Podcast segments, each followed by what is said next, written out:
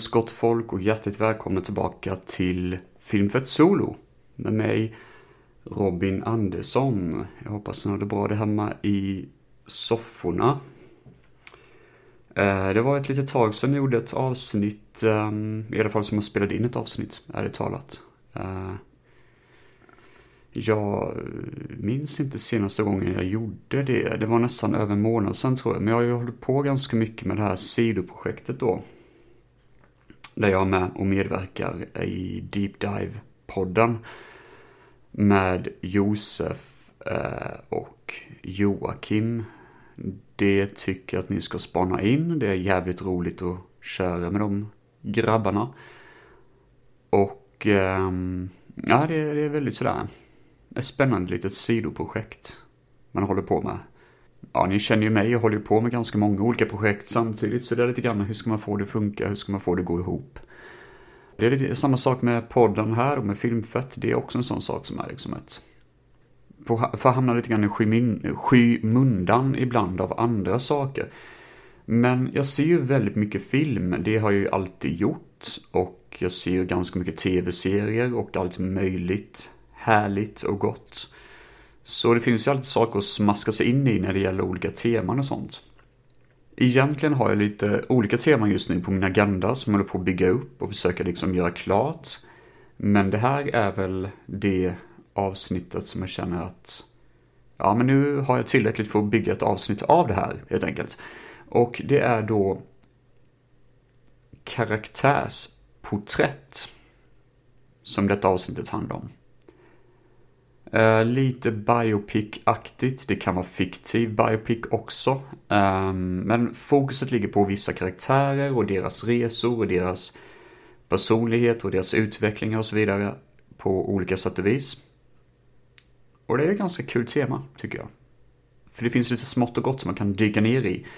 Egentligen har jag många filmer på min agenda som jag så mycket väl skulle kunna plocka upp och använda i det här schemat, eller i det här eh, temat som jag inte riktigt har satt igång och sett ännu.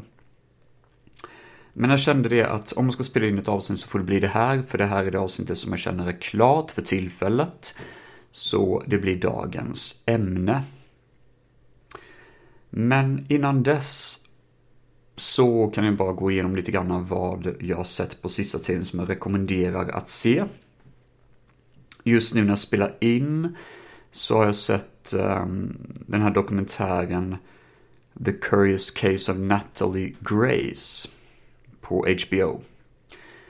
En dokumentärserie, True Crime, om eh, en familj som adopterade en um, kortväxt tjej i tron om att hon är typ åtta år.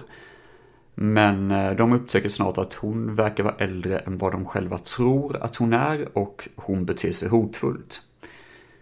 Grejen är bara att ju längre in i serien man kommer, det är typ fyra eller fem avsnitt eller sånt, så inser man oh fuck, det händer mycket skit under ytan på det här som man egentligen inte tror händer, typ. Så en av personerna man intervjuar är pappan i familjen. Eh, plus hans äldsta son. Och en rad olika individer som är involverade i det här dramat då, i vad det är det här, eh, den här serien egentligen handlar om. Vad det är som har hänt och vad det egentligen är eh, som bubblar under ytan. Och det här är en sån serie som börjar på ett sätt och sen slutar väldigt, väldigt märkligt. Det tar snabba vändningar och jag känner direkt när jag sett första avsnittet att oj shit, är det redan slut? Det var typ 40 minuter långt och det kändes som typ en kvart nästan liksom. Så är hela serien tycker jag. Det är väldigt kul. Ehm, det är nästan i min mening en överraskning. Jag tycker inte att serier brukar vara på det sättet. De brukar tvärtom pumpa på rätt mycket med långa, långa avsnitt som aldrig tar slut och aldrig kommer till skott. Men det gör inte den här serien, utan den håller på tillräckligt länge och drar in mig som tittare på ett sätt som är liksom Vi berättar det här, vi berättar det här, vi berättar det här. Det här är intressant för läsare, eller för, för tittaren att veta om liksom. Så det är, eh, det rekommenderar jag. Jag håller också på att se lite gamla avsnitt av ehm, um, Kvarteret ibland.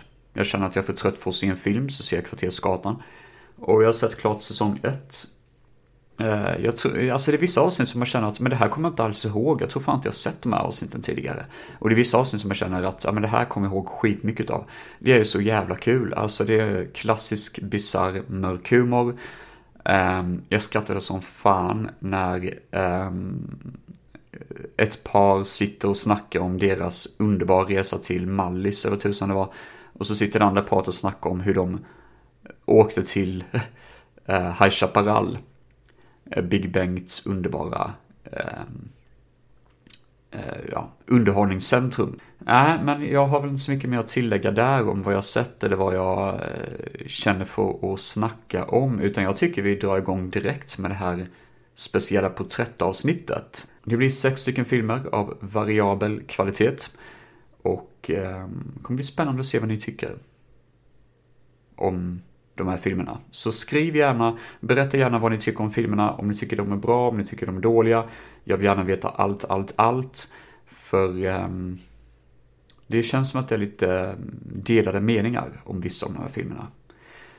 Vi sätter igång direkt då med The Whale. I need to make certain that she's gonna be okay. We can't give up on her. You already gave up on her! You gave up on her when she was eight years old. I wish I could have been a part of her life, Mary. A part of both of your lives. Go to the hospital. You have money. Just go to the hospital. We both know that that money is for Ellie. But beyond that, I need to know that she's gonna have a decent life where she cares about people and other people care about her. Yes. Darren Aronofsky gjorde den här filmen. Och jag var nära att blanda in ytterligare en film han gjort um, i dagens avsnitt, men det blev inte av för jag har inte sett den ännu. Det är eh, Black Swan. Ja, jag vet, det är helt sjukt att jag inte sett den ännu, det är jättekonstigt, men det har bara inte blivit av. Jag har säkert sett något annat av Darren Aronofsky, helt hundra på det, men det är Alltså jag kan inte komma på just nu vad fan mer han har gjort. Men uh, The Whale är ju hans mest kända nu på senare tid i alla fall. Uh, den har ju fått väldigt stort Oscars-bemötande. Den vann väl till och med en Oscar om jag inte minns fel. Eller blev nominerad till många Oscars i alla fall. Den, vann, eh, den fanns, fick otroligt mycket uppmärksamhet när den kom ut. Um, för att det här Brandon Frasers comeback-roll han är ju en härlig person. Jag ska dock vara ärlig och säga att han känns lite grann som Keanu Reeves. En väldigt helhjärtad, underbar människa där man tycker om personen för att personen är en jäkligt underbar människa. Genuin, liksom. Däremot, precis som Keanu Reeves, så tycker jag fortfarande inte att det är så mycket talang involverat i det. Eller, alltså Brennan Fraser är en bra skådis. Jag har ingenting emot honom så, men han är ju inte en gudagåva. Han är ju inte liksom nu kanske det låter som att jag pissar på honom väldigt mycket, men Alltså vad han har gått igenom livet, absolut, det är fruktansvärt. Samma sak med Keanu Reeves. Men det är personer man tycker om, det är inte så mycket skådisen. För min del i alla fall. Men det här skulle vara hans comeback-roll där han går in i en jättestor bodysuit. Sån här jättestor eh, klump eh, klumpeduns kostym för att han är överviktig i den här filmen. Gravt överviktig. Um, han heter då Charlie i den här filmen. Han Har typ aldrig gått ut ur sin lägenhet på flera år. Och um, en gravt överviktig lärare i USA som bor i sin lägenhet. Hela filmen utspelar sig mestadels bara i hans lägenhet. Det är väl typ en procent som är en flashback på en strand. Men ja, allt är typ lägenheten. Um, Charlie är en lärare. Och han har hjärtproblem. Och hjärtproblemen kulminerar ganska mycket i början av filmen, att man fattar att oh shit, det här ser inte bra ut, typ. Någon typ av religiös person dyker upp, som heter Thomas. Och eh, tillhör någon typ av eh, religionsgrejs eh, liksom. Och de börjar snacka lite grann, mestadels för att Charlie inte vill vara ensam. Det dyker också upp en skötare, en sån här eh, sjuksköterska, om man ska säga, hemvårdsbiträde som heter Rose. Och hon är väldigt, väldigt värmhjärtad samtidigt som hon är jäkligt sur på Charlie av olika anledningar och tycker att han ska gå vidare med sitt liv. Man fattar att de har, en, de har liksom ett, en bakgrund som etableras tidigt i filmen där man förstår att ah, okej, okay, så här är det deras relation funkar liksom. Och det här är varför hon bryr sig om honom så jävla mycket. Eh, för Charlie har gått igenom en väldigt tragisk händelse där hans expojkvän uh, gick bort. Och det är fortfarande någonting som man lider väldigt mycket av. Och det är därefter som man blir väldigt överviktig och mår skit, typ i stort sett. Charlie har också en dotter med sin före detta fru som han var otrogen med, med den här pojkvännen då. Och dottern heter Ellie. Hon är problematisk kan man säga. Hon är inte den lättaste ungen att ha att göra med, men Charlie ser fortfarande möjlighet att kunna hantera henne som ett bra barn. Och det här är typ de karaktärerna som finns i hela filmen. Den är ju baserad The Whale på en eh, eh, um, uh, off-Broadway teaterföreställning. Och det märks, den utspelar sig bara i ett rum i stort sett hela filmen och uh, jag gillar ändå skevheterna i karaktärerna. Som att Charlie är en väldigt godhjärtad person, men han har gjort väldigt mycket hemska saker, han har försummat sin före detta familj, han plågar sig själv med att äta för mycket, han plågar sig själv mentalt väldigt mycket och eh, ser ner på sig själv väldigt mycket och alla andra runt omkring försöker se honom som en god person. Problemet är bara det att den här filmen har lite svårt att vara tredimensionell. För Charlie målas ju upp som att han är gudagåva. Som att han är typ Brennan Fraser liksom. Att ah, men han är så underbar, han är så vacker, han är så fantastisk liksom. Men man bara, men han har varit ganska hemsk också. Han är människa, han gör fel. Var, varför ska ni måla upp honom som att han är en Oscarsstatyett typ? Och det är det filmen gör hela, hela tiden. Den målar upp honom som att han är en jävla hjälte. Ja, han kämpar, han har mycket krämpor och vi, vi cirkulerar kring Charlie, vi vill få honom att må bättre och så vidare och så vidare och så vidare. Och det bara puttrar på på ett sätt som är ganska irriterande. Sen så alla andra karaktärerna har ju sina svagheter, vilket jag tycker är intressant. Eh, den här eh, religiösa killen Thomas eh, har ju en väldigt dyster bakgrund också. Vilket är intressant, men känns också lite malplacerat för det, enligt mig funkar det inte i filmen egentligen. Jag tycker inte att den här, det räcker att han har varit en ung kille som söker efter något, att det är därför han har gått med i en religion. Men istället blir det någon backstory med hans föräldrar eller vad fan det är. Jag bryr mig inte. Um, Rose, den här skötaren, är kanske den bästa karaktären. Jag bryr mig verkligen om henne. Jag tycker hon är logisk. Och eh, jag fattar varför hon bryr sig om Charlie väldigt mycket. De har ändå en väldigt stor relation tillsammans för att de känner varandra sedan tidigare. Jag förstår henne bäst och jag tycker hon är den absolut bästa skådisen. Hon har ju vunnit Oscar och varit med i jäkligt mycket bra filmer. Hon har varit med i den Everything Everywhere At Once, yada yada yada, den filmen, som också vann pris. Som jag tyvärr inte har sett, men jag är jäkligt nyfiken på att se mer utav henne. Hon heter Hong Shao och um, ja, hon vill jag verkligen se mer utav. Hon är en jäkligt bra, alltså bra naturlig skådis. Jag såg den här också eh, förresten med två andra kompisar i en liten filmklubb och vi alla hyll, alltså hyllade henne jättemycket. Eh, jag har fortfarande lite svårt för Ellie, den här dottern. För att, just det. Ellies mamma dyker upp i filmen och säger att Ellie är typ ett jävla monster. Och jag bara tänker, hon är ett problematiskt barn, hon går igenom många saker, hon är inte, eh, alltså absolut att hon är jobbig, men hon är inget jävla monster. Och jag stör mig jättemycket på det, för det känns så skevt att bara, det där är ett monster. Man bara, va? Var fan kom det ifrån? Tagga ner lite grann nu, vad fan, var fan kommer det här ifrån? Jag menar, den graden av dramatik som uppstår är ju helt absurd. Det är så mycket hat mot den här karaktären Ellie som jag inte riktigt fattar. Och det är det som är problemet med den här filmen också.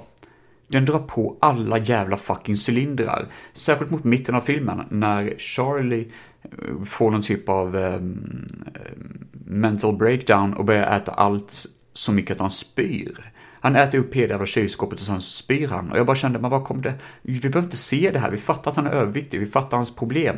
Vi fattar hans, alltså ni behöver inte visa allt det här. Det är fan löjligt. Eh, det är så mycket extrem ton i dramat, vilket jag känner inte riktigt faller för mig och det drar ner betyget väldigt mycket. Han har en scen där han till och med skriker och pekar ett finger eh, till sin dotter tror jag det är och säger typ I just want to know that I made one thing right in my life. I need to go. Mary, she doesn't I have to go. have anyone else. I need to know that I have done one thing right with my life. Jag stör mig på det. Det stör mig jäkligt mycket på. Så sakerna som drar ner betyget på filmen påverkar mig väldigt, väldigt mycket som människa. Jag känner att det här är hög iterationsnivå för mig. Alltså nu känns det som att jag babblar på rätt mycket om The Whale, men jag tycker den här filmen är så nära att bli bra. Den är så nära, den kunde fan riktigt, vara riktigt jävla bra, för ibland har den väldigt bra scener och väldigt bra idéerna är ju skitbra. Men det är också att den bakar in religiontemat som en form av hook, lite grann att folk har en religion för att söka sig till något. Det tycker jag är jätteintressant.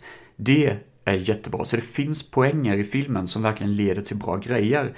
Men helheten faller på de här scenerna som försöker så jävla hårt så att det blir krystat. Och det är där, enligt mig, som The Whale inte lyckas. Så nej, det var ingen större hit för mig, The Whale. Uh, inte värdelös, jag rekommenderar ändå att se den.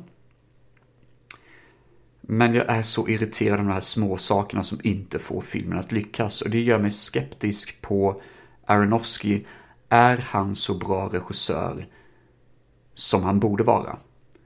Han har också gjort The Wrestler som jag inte sett ännu och den är jag väldigt taggad på att se. Så eh, den har jag också liggandes hemma. Jag borde egentligen sparat den till dagens avsnitt också, men jag får ta det vid ett annat tillfälle. Nej, men The Whale eh, landar väl på ett stabilt betyg eventuellt, men alltså, man kan säga så här, den är väl med i språngmatchen bland alla andra filmerna jag ska prata om idag. Och den kommer inte sist, men den kommer inte först, absolut inte först. Det är väl mina åsikter om The Whale. A Beautiful Day in the Neighborhood är en film av ja, Marielle Heller heter hon. Jag var nära att säga av Tom Hanks, men det är det inte. Men han är ju den bidragande faktorn, den stora bärande komponenten här då. Um, den nomineras tydligen för bästa manliga biroll ser jag här i Oscar då. Vi ska se. Jag ser faktiskt inte riktigt just nu vilken roll den nominerades för. Ja, jag har faktiskt inte någon större aning. Jag försöker googla på det nu men jag ser inte så mycket. Den har, den har fått mycket sådana här nomineringar i alla fall. Uh, och i ärlighetens namn så kan vi inte riktigt se varför. Men vi kommer till det. Um, filmen handlar om då Mr Rogers som en amerikansk ikon. Fred Rogers heter han, just det. Um, Fred Rogers är en mm, tv-pedagog kan man säga för barn. Han, um,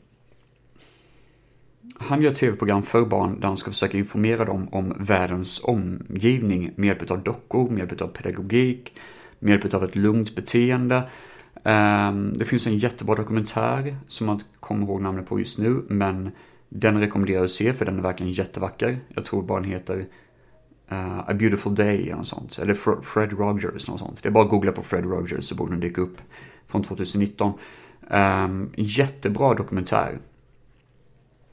Men just A Beautiful Day in the Neighborhood handlar i stort sett om att um, den här gigantiska tv-ikonen Fred Rogers skulle bli intervjuad av Lloyd, en filmskapare eller en intervjuare som var ganska cynisk och kallhjärtad.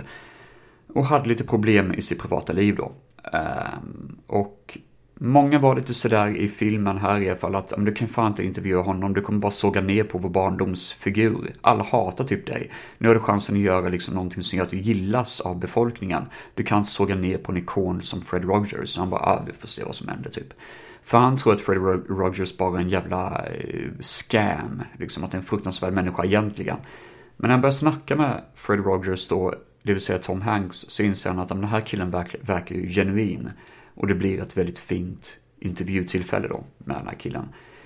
Eh, och det är typ allt som filmen handlar om i stort sett, den här relationen mellan här eh, eh, alltså intervjukillen och Fred Rogers. Eh, hur de snackar med varandra, hur det blir eh, liksom en massa saker som bubblar upp. Att Lloyd har problem med sin pappa, han har ingen riktig relation till sin pappa.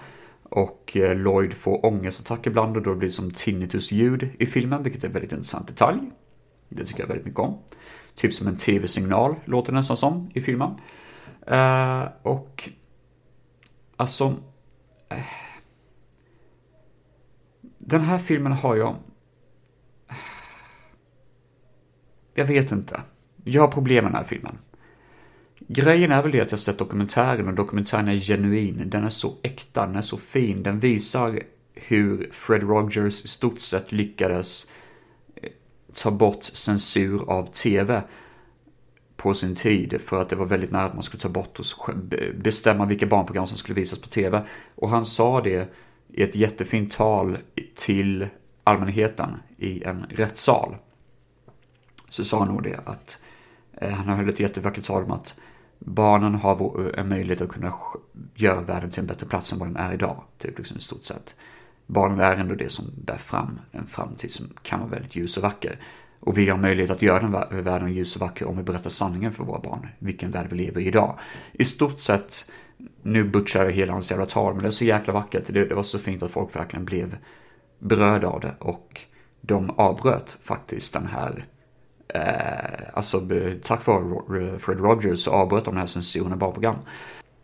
I alla fall.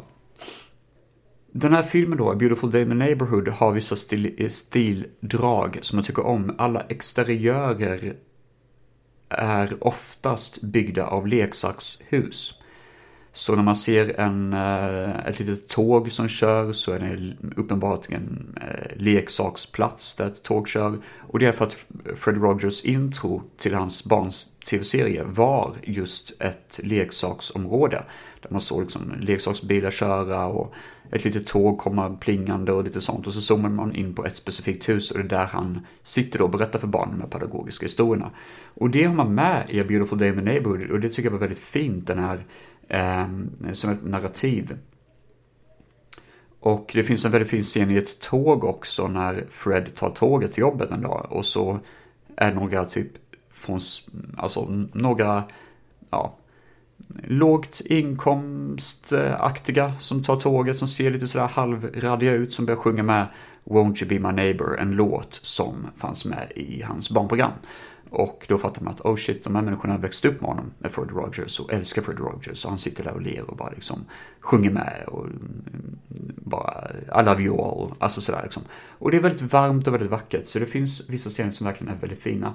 Men när filmen är klar, när den här filmen är klar, Beautiful Day in the Neighborhood, så sitter jag och tänker, vad var poängen med filmen? Jag fattar att den vill säga att världen är en fin plats om man vill göra det till en fin plats. Alltså något sånt är det ju. Men det är så jäkla tattigt. För det har vi sett redan de första fem minuterna. För att filmen är redan fin.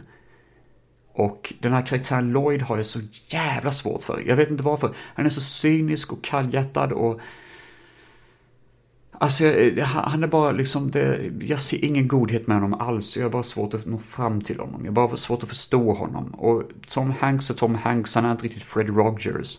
Jag begriper inte hur den här filmen kunde få så många priser. Det är bortom min förståelse. Um, jag tycker bara det här var tomt. Och Oscars försök till att nå fram till en Oscar, precis som The Whale. Fast The Whale har någonting att berätta, det har ju inte A Beautiful Day in the Neighborhood. Jag känner mig bara som ett tomt skal efteråt. Och inte på det här bra sättet att någonting saknas i mitt liv, utan på det här sättet att jaha, det var det, nu vill jag se någonting roligare, typ liksom. Det här var bara ingenting för mig. Det är för att dokumentären, som jag glömt namnet på, den ger så mycket mer än A Beautiful Day in the Neighborhood som film gör. Det här är... Jag tror det är dagens sämsta film. Vi får se. Men var inte överraskad om jag säger det. Vi drar vidare tycker jag då till en mer, eh, ja, jag skulle nästan säga nostalgisk film. Det finns något nostalgiskt över den i alla fall. Med, eh, ja, vi får se vad jag tycker om den. Man without a face. Why can't I read it silently? Because it's a play, Norstad. You perform it. Well, we don't get a lot of live specimens at the castle, do we, Norstad? I talk. Did you ever wonder why men and women are attracted to each other? It's called sex, Norstad. And it's not on your exam. How did it happen? Was it in the war? Simply interested in finding out the truth. God, I wish you were. What are you hiding? Is it this? Is this what you see? But if that's all you see, well then, you don't see me. You can't see me. Man without a face är regisserad av Mel Gibson. Och eh, han spelar en av huvudkaraktärerna. Den är från 90-talet. Jag skulle säga slutet av 90-talet. Känns det som. 96 kanske, något sånt. Och eh, utspelar sig under 60-talet då. Där Charles är en busig ung kille som växer upp i en familj som har lite struligt. Mamman brukar gifta om sig, skaffa ny man och jag tror det är fjärde maken hon är inne på just nu. Och eh, det är massa olika barn i huset och olika föräldrar och sånt till barnen. Och um, Charles har det inte så lätt, han är rätt mobbad, rätt utstött och uh, brukar drömma sig bort rätt mycket. Han, uh, det är som att han bara zonar ut verkligheten ibland. Eh, så han har det lite jobbigt. Det har han faktiskt. Och han försöker ändå kaxa sig upp rätt mycket mot familjen och mot sina syskon för att få plats liksom. Så det är väldigt logiskt, hans relation. Han är inte bara utstött utan han försöker ge sig själv utrymme, vilket såklart leder till en del bråk. Um, han... Hur fan var det med hans pappa? Hans pappa finns inte längre. Jag minns inte om han dog eller om han hade flyttat eller något sånt, men han har ju målat upp sin pappa som att det är hans hjälte liksom. Och eh, Charles dröm är att komma, eh, ta intagningsprov till ett internat så han kan flytta från familjen. Han är ju väldigt ung, men han vill ändå göra det. Så det finns mycket med den här karaktären Charles som jag gillar. Väldigt tredimensionell karaktär. I alla fall, eh, Mel Gibson dyker upp då i plötsligt. En ansiktsärrad Mel Gibson. Som heter, karaktären heter MacLeod, eller McLeod. Och MacLeod är en före detta lärare. Oklart hur han har skadat ansiktet, det var någon typ av, eh, det vill han inte prata om, men det finns olika rykten om det. Och samhället ser ner ganska mycket på honom, att han är en mysko-karaktär och sådär liksom. Och han, eh, det är många som retar honom och sådär, men eh, ja. Det finns lite grann, lite hemligheter som bubblar under ytan och de hemligheterna ska jag väl säga att det hade jag inte förväntat mig. När de grejerna kommer så blir det ganska mörkt och intressant. Um, på ett sätt, de här ryktena är verkligen, det blir bara mörkare och mörkare. Och när jag ser den här filmen så blir jag mer och mer indriven i de här mörka aspekterna av filmen. Och eh, i alla fall så försöker han lära upp Charles och bli som en mentor till honom för att han ska försöka läsa upp sina betyg då och bli som en bättre fadersgestalt kanske. Mamman till Charles dejtar en ny pojkvän och det, den karaktären är spelad av Richard Masur. Eh, och det är hundkillen från The Thing, mannen som höll på med hundar och sånt i skräckfilmen The Thing. Eh, som man inte kommer ihåg namnet på, men han är ju en av mina favoritkaraktärer i den filmen. Eh, väldigt lugn och väldigt sådär, pratar med ganska mörk röst. Lite så, tystlåten, väldigt sådär. Han, han, han tar inte mycket space, det gör han inte. Och eh, det var roligt att se hans ansikte igen. Jag, jag, tror inte han lever längre faktiskt. Jag har på känn att han är nog inte vid liv längre. Dessvärre. I alla fall, um, alltså frågan är om man inte ska avslöja de här hemligheterna, för det är så jävla bra. Det, ja det gör jag. Det går rykten om att McLeod, när han var aktiv lärare, när han var typ 20-årsåldern, så beslöt han sig att ha en intim relation med sin elev. Och den här eleven var ju underårig och det var en kille. också. Um, man kan väl säga att det slutade inte så bra. Den här killen dog i en bilbrand och McLeod var i bilen samtidigt. Uh, vilket tyder på att de eventuellt höll på att hångla lite grann i bilen. Det här är ju rykten, man vet ju fortfarande inte vad som är sant. Man vet ju fortfarande inte riktigt om det var en våldtäkt, man vet ju inte riktigt. Man vet bara McLeods tolkning på saker och ting. Att han säger typ att jag är oskyldig, jag har inte gjort det här. Inte, jag har inte gjort det här liksom. Men resten av samhället är sådär, ja men lyssna inte på honom, han är sjuk i huvudet, typ. Man Without a Face är enligt mig en väldigt bra somrig film. Låter konstigt att säga det när man har haft den bakgrundshistorien som har dragits upp som kontrast. Men det är en 60-talsfilm, eh, väldigt vacker och ljus att kolla på. Ehm, ändå med den här mentaliteten att 60-talet var ju inte så jävla vackert som man tror det var kanske. Men ändå det att man försöker bygga upp att det är vackert visuellt i alla fall. Och den här somriga känslan av att jag minns en sommar när jag skulle plugga och bla bla bla liksom. Um, jag tycker det fångas på ett väldigt fint sätt och jag uppskattar den här filmen. Den här filmen sågs också tillsammans med The Whale i den här filmgruppen och den här filmklubben jag håller på med.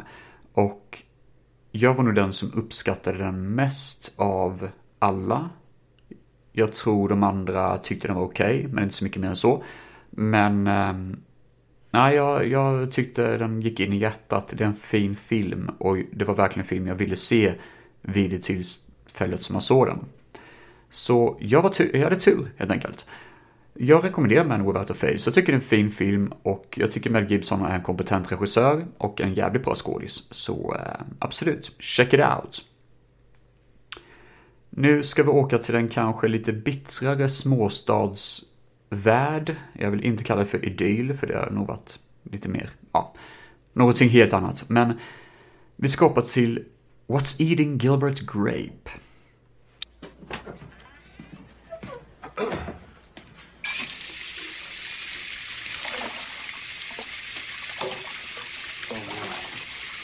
No. Oh, I'm, come on. I'm sorry, John. Come on. Um, here, here. You okay? You okay? You okay? You okay, buddy? Come on, get warm. Oh, God, I'm sorry. I'm sorry, buddy. I'm so sorry. I'm sorry. Det sjuka är att jag trodde faktiskt jag hade skrivit Uh, lite anteckningar om What's Eating Gilbert Grape, men det har jag tydligen inte. Den här filmen gjordes ju utav en svensk ikon, Lasse Hallström, och har en del kända namn involverat i sig. Det är den första filmen som Leonardo DiCaprio blir känd av. Johnny Depp är med i den. Jag vet inte vem Darlene Cates är som skådis. Men hon spelade ju mamman i alla fall i Gilbert Grape. Och eh, ja, hon var nog väldigt överviktig i verkligheten. Jag tror inte det är en fatsuit hon har på sig. Juliette Lewis är med också. Det är väl de enda... John C. Reilly, just det, han är med också. Riktigt bra skådis. I alla fall. Gilbert är en kille som bor i, ja, i ett hus, ett ganska ruckligt hus mitt ute i ingenstans. Det är ett småstadssamhälle som typ bara har en matkedja, eller mataffär. Ehm, den här mataffären håller på att kämpa mot ett större köpcenter dit alla håller på att åka till. Och ehm, ja, han jobbar kvar där helt enkelt på det här, eh, eh, den här mataffären, trots allt. Och uh, hans drömmar är ju att flytta därifrån, han vill bara flytta från samhället, men det är inte så lätt för att hans mamma, Bonnie Grape, är ju gravt överviktig och kan ju knappast göra någonting i huset på grund av den anledningen då. Eh, hon försöker styra i familjen men det är inte så lätt för att eh, hon bor själv. Hon har ingen make. Det får vi veta sen vad som hänt med honom. Men i alla fall. Gilbert är väl den äldsta utav barnen i det här huset i alla fall. Och han är den som får driva allting typ liksom i stort sett. Och det jobbigaste, det jobbigaste är elakt att säga, men han har ju en lillebror som heter Arnie Grape som är en väldigt eh, problematiskt eh, utvecklad kille. Han är jäkligt snäll, men han har någon typ av autistisk ut, alltså svår autistisk utvecklingsstörning, så att säga. Som gör att han är väldigt svårt att lyssna på folk. Han gör fel saker, han busar runt väldigt mycket i samhället och han riskeras att arresteras för att han klättrar upp i ett vattentorn rätt ofta trots att han inte får. Han springer ut i gatan. Han, han gör många konstiga saker och Gilbert måste hålla koll på dem väldigt mycket. Men de har en väldigt fin vänskaplig relation. Han vet ju, Gilbert vet ju hur han ska hantera sin, eh, alltså Arnie, hur han ska vara en bra brorsa för honom och hur han ska, vad han ska säga för att allting ska funka. Han har också en eh, syster, jag tror till och med han har två systrar tror jag. Den e-, ena heter Ellen Grape, ser jag här på karaktärs... på skådisarna. Nej, jag vet inte fan. Det är nog bara en syster kanske han har. Men han har också en eh, bror som har flyttat, som inte längre bor i huset. Och den personen får vi inte veta någonting om.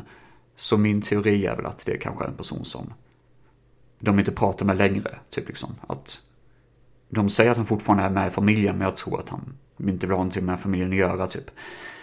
Uh, helt plötsligt så dyker, dyker det upp en tjej, Becky.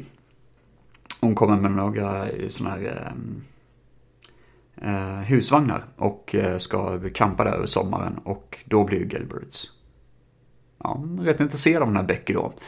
Han försöker ju som sagt var hitta sitt egna, han försöker liksom komma in i sitt egna flow och hitta sin egna värld. Eh, vilket inte går riktigt när han har familjen att tänka på. Så det är väldigt mycket det det handlar om. Det är ju det som är meningen med filmen kan man säga. att Hur kan man hitta sin egna möjlighet i livet när man känner sig inlåst i en position i sitt liv som man inte själv kan styra över. Vad är mina ansvar kontra mina drömmar? Hur kan jag få det att funka? Och den här filmen tycker jag är så jäkla bra på att bygga upp det på ett realistiskt sätt jag bryr mig genuint om alla karaktärer. Jag förstår varför alla karaktärerna funkar som de gör. Och jag känner att jag verkligen liksom bara faller för det. Det här är en väldigt genuin film som... Jag vet inte om den fick några priser. Jag, jag tror inte den fick det. Men alltså det är en sån film som man bara känner den bör fan ha fått priser för den är Alltså den, den är riktigt jävla bra. Alltså hela filmen gör bara ont i mig för att det svider så mycket liksom. Filmen har en smärtpunkt som jag tycker är så stor och glödande stark. Och jag var väldigt berörd när jag såg den. Jag blev faktiskt väldigt tårögd av den. Mest för att jag känner igen det här att vilja att vilja komma bort från sitt samhälle, att vilja komma, komma bort från sin tillvaro till någonting bättre. Men man vet om att man kan ju inte fly, för man har den här kedjan. Och ibland är frågan, varför gör man den här, de här ansvaren till en kedja när man bara kan omfamna det, liksom, och ta med det, typ. Men, ja. John C. Reilly tycker jag väldigt mycket om. Han spelar en kille som heter Tucker Van Dyke. Och han hjälper det här huset, för huset är ett jävla ruckel. Han försöker bygga upp det och fixa till det så att så att det blir bärande liksom eh, stommar och att eh, han säger det att det här huset är ju, det, det är ett ruckel, det håller på att falla ihop om vi inte fixar till det här huset ganska snabbt liksom.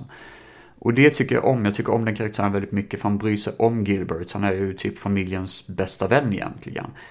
Det är en av mina favoritfilmer, jag blir väldigt berörd av den. Och jag tycker det är en väldigt fin, somrig film också dessutom. Den har ju en väldigt fin aura över sig. Ja, det var mina åsikter om Gilbert Grape. Och eh, nu tycker jag vi ska hoppa ner lite mer i eh, thrillerträsket. Domino. Domino är en film från 2005. En actionthriller på cirka två timmar, regisserad av Tony Scott. Och så här står det på Google. Detta är den sanna berättelsen om Domino Harvey, dottern till filmstjärnan Lawrence Harvey. Trött på och uttråkad med sitt liv i flärd lämnar hon det hela lyxlivet bakom sig för att bli en prisjägare. Grejen är att när det står detta är den sanna berättelsen så är det ett stort frågetecken på det för att det är osäkert, det är högst oklart. Um, grejen är så här att Domino, för det första, så kan jag gå igenom skådisarna. Det är Keira Knightley som spelar Domino Harvey. Och um, sen så har vi då Mickey Rourke som spelar Ed Mosby. Hennes eh, typ, ja, kollega. Edgar Ramirez som spelar Choco. Och Christopher Walken som spelar Mark Hayes. Sen så dyker också Tom Waits, just det, han dyker upp i en liten roll också. Det här är en film som handlar, alltså precis som jag sa, det handlar om Domino Harvey, en kvinna som växte upp som en filmstjärna då, eller hon, hon blev väl en modell i början. Och påstår själv att hon eh, att hon var en av de snyggaste modellerna. Men grejen är att enligt information, om man försöker kolla upp det och följa upp den här infon, så är det många som inte vet vem, alltså hon har ingenting med liksom den världen att göra. Hon var aldrig modell tydligen, enligt vissa uppgifter. Men hon blev i alla fall tagen då till en, eh, hon blev intresserad av att bli prisjägare av någon konstig anledning. Och det är sant att hon har faktiskt jobbat som prisjägare, det är sant. Men enligt henne själv så har hon berättat väldigt, väldigt mycket liksom till Tony Scott, för hon blev en väldigt god vän till Tony Scott. Hon berättade väldigt många, många historier och så. Han spelade in det. Eh, flera timmar var det av olika samtal med Domino Harvey för att få info om hur han skulle göra filmen. Grejen är bara det, vi vet ju faktiskt inte vad som är sant och inte, för det är mycket här som bara verkar gå emot sanningen. Men det är ju sant att hon är en prisjägare, eller hon var en prisjägare, hon dog ju typ av överdos när hon var typ bara 32, eller sånt tror jag. Hon var väldigt ung i alla fall. Ehm, men frågan är, var hon en av världens bästa prisjägare? Det vet man inte riktigt. I alla fall, i filmen så springer hon på då Ed Mosby, som är en prisjägare, lite märklig. Han och Shoko jobbar tillsammans för att försöka pressa tillbaka pengar till folk som är skyldiga cash och sånt liksom. Och lite olika märkliga jobb. Ehm, de blir indragna i någon typ av rån de ska försöka utföra som inte går särskilt bra. Vilket gör att FBI är de på, ehm, ja, är på dem helt enkelt. Christopher Walken spelar då Mark Heiss som samtidigt försöker göra någon typ av tv-serie om den här Bounty Hunter-aktiviteten både hon och Ed Mosby och Shoko genomför. Så de ska göra någon typ av tv-serie i filmen också. Så det handlar egentligen om en massa olika saker samtidigt. Precis som den filmen Man of Fire så har den här filmen Domino en viss typ av klippteknik som kanske inte riktigt faller mig i smaken, ärligt talat. Det är väldigt rappt klippt, klipp på klipp på klipp på klipp. Det är väldigt sådär 2000-tal. Det är väldigt skitig kameralins av någon konstig anledning. Det är väldigt sån här eh, det ska vara coolt, det ska vara edgy, det ska vara liksom häftigt att kolla på. Men jag blir bara mest irriterad av det för jag vill ha någonting genuint. Jag känner att det här känns så väldigt mycket actionfilm så att jag inte köper att det är en sann berättelse. Jag känner att det här är så mycket kludd och kladd. Varför gör man så här? Jag fattar inte det. Man försöker vara cool och Eh, grunge och liksom sådär eh, lite, eh, lite sådär häftig och lite äcklig och lite sådär ha en attityd. Men jag vet inte varför man gör det, för det bara känns som att även om Domino Harvey är en sån person så hade jag nog hellre velat se en riktig filmad film på det sättet. Om ni förstår vad jag menar med riktig filmad film. Men ja. Um, den gick, alltså den hade ju en budget på 50 miljoner. US dollars och biljettkassan gav 23,5 miljoner så det gick ju inte särskilt jättebra när den kom ut. Alltså, sen är jag jäkligt störd på, det blir någon jävla actionfilm i slutet, det blir någon explosion i ett hus eller sånt, jag fattade ingenting. Det, det känns bara så himla kluddigt. Jag, jag, kan inte ens kalla det här för en riktig film. För när Tom Waits dyker upp och har någon typ av snack med Domino Harvey, Harvey som att han är någon jäkla ängel eller sånt, jag, jag begrep inte det. Hela den scenen är så otroligt tagen från ingenting. Och hela filmen känns otroligt tagen från ingenting. Jag vet ju att Tony Scott hade drogproblem och jag vet att den riktiga Domino Harvey hade drogproblem och vad fan, alltså det känns som att de har bara bakat ihop någonting när de har suttit där och varit jättepåverkade eh, liksom. Jag tycker inte alls den här filmen var särskilt bra. Jag säger inte att den är sämsta idag, för det finns ändå någonting i storyn om Domino Harvey som genuint gjorde mig väldigt intresserad och vill veta mer om just henne som person. Men däremot helheten som film tycker jag inte att jag blev särskilt imponerad av det. Ehm, jag tycker väldigt mycket om Tony Scott som regissör. Han är väldigt duktig, eller han var väldigt duktig. Och det är väldigt tragiskt på det sättet han dog. Och det är väldigt tragiskt att Domino Harvey dog i en väldigt tidig ålder också. Ehm, förresten, hennes...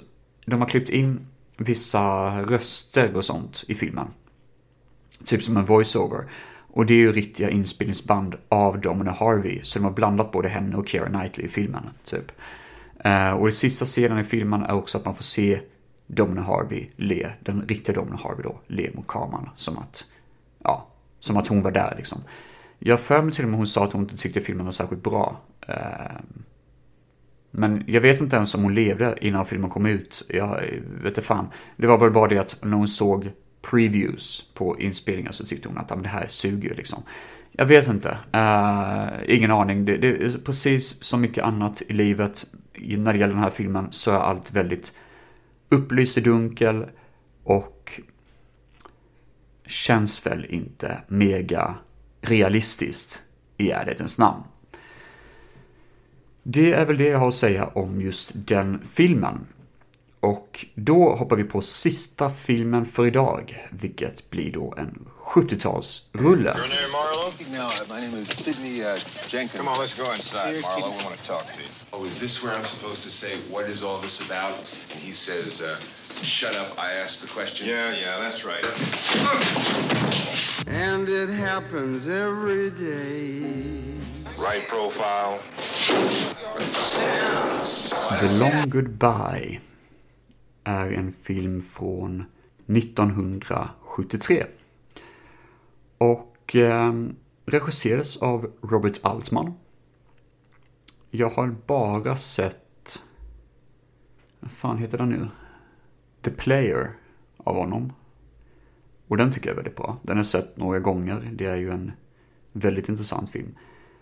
Men eh, The Long Goodbye är en typ av tolkning av en privatdetektiv som heter Philip Marlowe. Och han har blivit filmad några gånger. Det är en litteraturkaraktär, en detektiv i um, um, uh, olika noveller då från 50-talet. Och även filmad lite grann under 50-talet. Jag tror inte jag sett någon utav Philip Marlowes riktiga filmer. Han har ju varit med i väldigt, väldigt många böcker i alla fall. Otroligt många. Och eh, jag vet inte om jag sett filmen The Big Sleep. Jag blir väldigt osäker på det just nu. Nej, Robert Mitchum har tydligen spelat honom vid ett tillfälle. Vid fler tillfällen Humphrey Bogart. Men nej, jag tror faktiskt inte jag sett eh, någon annan av filmerna faktiskt. I den här filmen, Långt farväl, som den heter på svenska, så är det i alla fall Elliot Gold som spelar rollen. Och när man tänker på Elliot Gold så tänker jag ju på att han brukar vara med i Vänner, tror jag det Han spelar ju någon fadersgestalt där och man, jag tänker att ja, men det är ju liksom en komisk skådis. Eh, och visst, alltså The Long Goodbye har ju lite komiska, eh, lite mörk komiska attityder ibland. I alla fall så handlar det om att Philip Marlowe i den här filmen då är en kattälskande privatdetektiv i 70-talets Los Angeles. Han har en katt som han bryr sig om jättemycket. Hela första scenen går ut på att katten är väldigt sådär liksom eh, skeptisk till maten den får och han måste dra iväg för att köpa dyrare mat utav ett visst märke. Men hittar inte det och försöker lura katten men kattjäveln inser att ah, men du försökte lura mig och så sticker den från lägenheten och han blir skitsur på katten. Så under filmens gång så vill han bara få tillbaka sin katt typ i stort sett. Vilket påminner jättemycket om The Big Lebowski. Att huvudkaraktärens motivering har egentligen ingenting med själva jobbet att göra. Och det tycker jag är väldigt kul. Det, det måste ju finnas vissa kopplingar mellan The Long Goodbye och The Big Lebowski. I alla fall, hans polare kommer på besök, Terry Lennox, och han vill bli skjutsad till eh, Mexiko var det väl? Till gränsen till Mexiko av Philip. Och Philip ställer upp direkt liksom, men visst det kan jag göra liksom.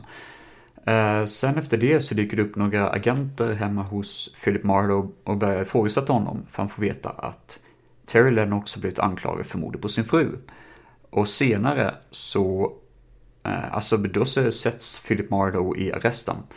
Så dyker det upp lite andra saker också under filmens gång ganska snabbt. När han släpps från arresten så dyker det upp nya fall. Det är en kvinna som eh, han kommer i kontakt med på något sätt för att hennes make är inne på någon typ av eh, rehabilitering hos en suspekt doktor.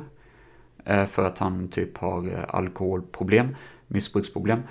Och ehm, Ja, det, det, det bara dyker upp lite små grejer som tisslas och tasslas under filmens gång och så börjar Marlowe halvt förstå att allting hänger ihop på något sätt. Man kan inte riktigt sätta finger på varför. Så allt han gör är typ att röka sig, försöka lösa det här fallet, vilket inte går särskilt bra. Försöka hitta sin kattjävel. Eh, han stakas av eh, Ehm, en eh, kriminell organisation som är indragna på något sätt för att alla vill ha pengar. Pengar som de tror att Philip Marlowe sitter på. För det var pengar som hans kompis Terry Lennox satt på. Men Terry är försvunnen. Och det är liksom sådär, det är väldigt... det är en klurig film på det sättet att den hoppar mellan olika element utan att egentligen vilja avsluta dem konkret. Och jag vet att vissa kan ha väldigt, väldigt svårt för det, att man vill ändå ha någon typ av logik i hur det avslutas. Men eftersom att jag tidigare sett um, The Player och tycker väldigt mycket om den filmen, som också är typ en neo-noir thriller med komiska element och mycket metahumor, så tycker jag faktiskt om The Long Goodbye. Det, den puttrar på, jag bara känner att jag kan bara sätta upp fötterna och bara kolla på det här och bara njuta av karaktärerna. Uh, vi, han bor ju granne, Philip Marlowe, med några otroligt vackra hippies. Som är liksom uh, alltid nakna och typ men han bryr sig inte så mycket om det liksom. Han försöker inte var något sleazeball mot dem och de tycker om, om honom jättemycket. De frågar hur läget är med Philip och han bara liksom Ja, det är bra. Har ni sett någon katt här liksom sådär? Han, han bryr sig inte så mycket om vilka de är. Och jag gillar det liksom. Det, det är sån skön feeling på det. Det, det är väldigt mycket Big Lebowski över hans attityd. Den här Philip Marlowe som bara liksom vill bara få ordning på sitt jävla liv och inte riktigt ser mm, Alltså ja, se skogen för sina träd är kanske fel uttryck, men liksom bara, mm, bara vill, vill inte göra sig till besvär egentligen. Och jag gillar det. Det är väldigt sådär, väldigt, väldigt mycket Big Lebowski över det. Um, Arnold Schwarzenegger dyker upp i en av sina första cameos någonsin. Han är en utav um, skyddsvakterna till den här kriminella ligan då som är ute efter Philip Marlowe. Och eh, det var en väldigt rolig cameo. Han har på sig moppemustasch och är biff så in i helvete. Är han. Man säger inte någonting, alltså det är lite grann sådär blinkar man som har missat honom typ. Eh, det är en ganska absurd sak att veta att han var faktiskt med i den filmen. Helt sjukt. Jag tror inte ens han är med i... Nej, han står faktiskt inte med i rolllistan på EMD, eller på, eh, på Google. Det borde han ju faktiskt göra för det är utan tvekan inte de största eh, rollerna. Nej, men det här var en väldigt rolig film. Eh, jag har fortfarande svårt att sätta genren på vad det är, eller vad, vad, det är egentligen som gör att det här är en rolig film. Jag tycker bara om feelingen på den. Den, den har en skön jargong. Och den liksom...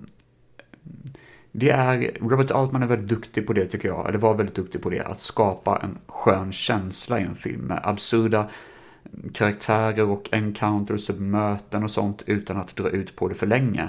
Utan att det är ändå enligt mig behållningen med filmen. Och eh, jag var väldigt positivt överraskad. Det här är en schysst rulle. Eh, den finns säkert att streama någonstans. I, jag vet faktiskt inte vilken tjänst som har den just nu. Men jag har den på Arrow Video-utgåva. Så det är någonting som jag inte behöver bry mig om för tillfället i alla fall. Och med The Long Goodbye så tycker jag vi kan ta ett långt avsked av de här filmerna. Men vi ska ju sätta lite rangordning. Vi har sex filmer att gå igenom och vi ska se vilken som är bäst och vilken som är sämst. Precis som vanligt. Sämst idag är utan tvekan A Beautiful Day in the Neighborhood. Jag blev, eh, alltså, mest bara eh, irriterad av det och börjar faktiskt ifrågasätta om Tom Hanks ens är en bra skådis egentligen. Nästa på listan är då Domino. Mest för att storyn bakom det är intressant, men jag tycker inte att Alltså filmen som helhet är bara väldigt fladdrig och fl hoppar på väldigt mycket, men liksom stil över substans ger mig inte särskilt mycket innehåll, kan jag känna. The Whale är nästa på agendan. Ja, alltså den försöker ju något i alla fall. Det gör den ju. Och den har ju en väldigt bra premiss och det finns ju vissa saker som funkar, men när den faller så faller den rätt jävla hårt alltså. Egentligen har jag gett bättre betyg till Man Without a Face, men jag tar den som nästa. Mest för att den är en schysst rulle, men jag kanske inte påverkas lika mycket av den efteråt. Eh, även om det var en väldigt bra känsla i där och då, så känner jag att den skulle fan kunna vara lite mer minnesvärd efteråt kanske. Den är lite klyschig. Inte för att den nödvändigtvis är en negativ sak, men ja, den, den når inte riktigt fram hela vägen förutom att det är en bra film liksom. Näst bäst idag då. Även om jag gett den lite sämre betyg än Man Without a Face, för den fick 3,5 av 5. Så blir det ändå The Long Goodbye, för att, mest bara för att jag känner att den behövs lyftas mer. Jag är väldigt glad över den och känner att tycker man det här låter som en rolig film så tycker jag absolut man ska se det. Karaktären Philip Marlowe är väldigt intressant och jag gillar det här porträttet som eh, Elliot Gold lyckas göra. Bäst är What's Eating Gilbert Grape. Visst, den är kanske lite klyschig, men för mig gick den hela vägen in i hjärtat och som en pil så sitter jag där och bara liksom eh, blöder efteråt som att bli skottskadad i hjärtat liksom. Det eh, gick in för mig hela vägen och eh, kanske lite klyschig, men som sagt var, det här är min lista och jag tycker det är den bästa av de här sex filmerna.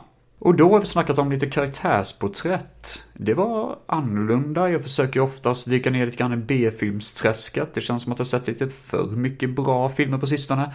Jag kanske får försöka dra mig ner lite grann i B-filmsträsket igen och se lite mer William Greffey-filmer och sånt. Få balansera ut lite grann. Men, ja, tack för idag, får jag säga. Filmfett har ni lyssnat på, Filmfett Solo. Jag finns på Instagram och Facebook, där heter jag Filmfett. Tack så jättemycket för att ni lyssnar på mig. Glöm inte att spana in Deep Dive-podden också. Vem vet vad det är för roligt vi har upplagt där. Ha det så bra allihopa. Hej då!